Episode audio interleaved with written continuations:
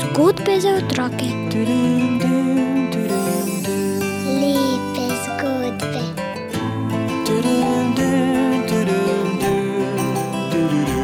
Bere nam jih Juri Sešar.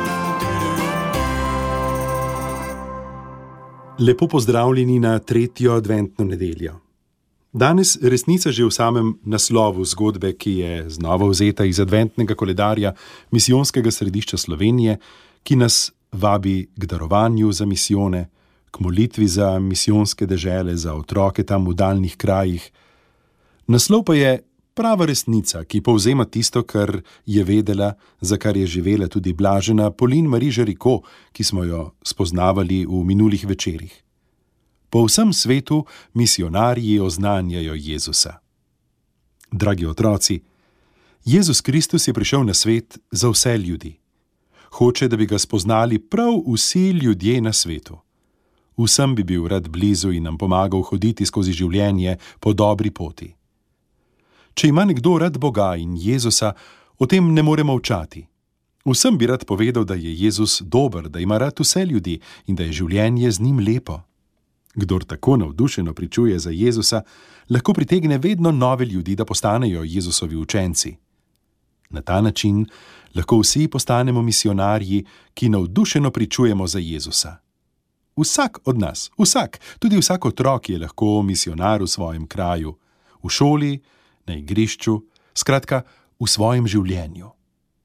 Posebni misionarji pa so tisti, ki gredo v oddaljene kraje sveta, tja, kjer Jezusa še ne poznajo, ali pa so ga spoznali šele pred kratkim. Duhovniki, redovnice, pa tudi verni lajki gredo kot misionarji po svetu, da živijo s tamkajšnjimi ljudmi. Svojim življenjem in besedami jim kažejo, kaj pomeni biti Jezusov učenec. Naša Polin in škofor Benžanson sta organizirala molitev in nabirke za misijone, kot smo slišali v minulih večerjih.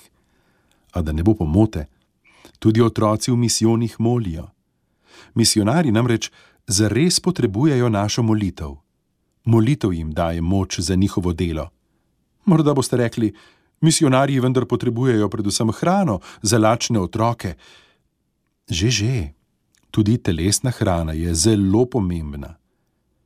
Misionarji pogosto rečejo: Lačnim ljudem ne moremo oznanjati Jezusa. Najprej jih moramo nasititi.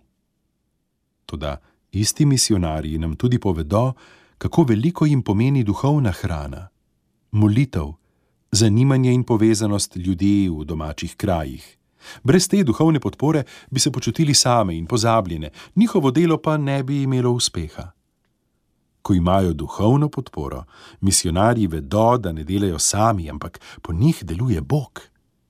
Zato je molitev za misijone zelo pomembna. In prav z molitvijo za misijone in molitvijo v misijonih se bomo srečali v naših naslednjih večerjih Adventa. V drugem delu tega adventnega koledarja bomo namreč prisluhnili nekaterim slovenskim misionarjem.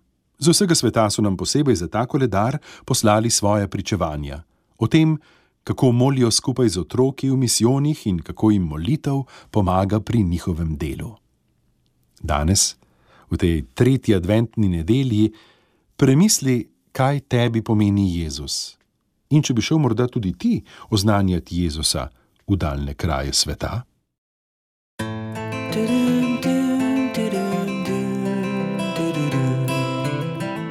Zgodbe za otroke.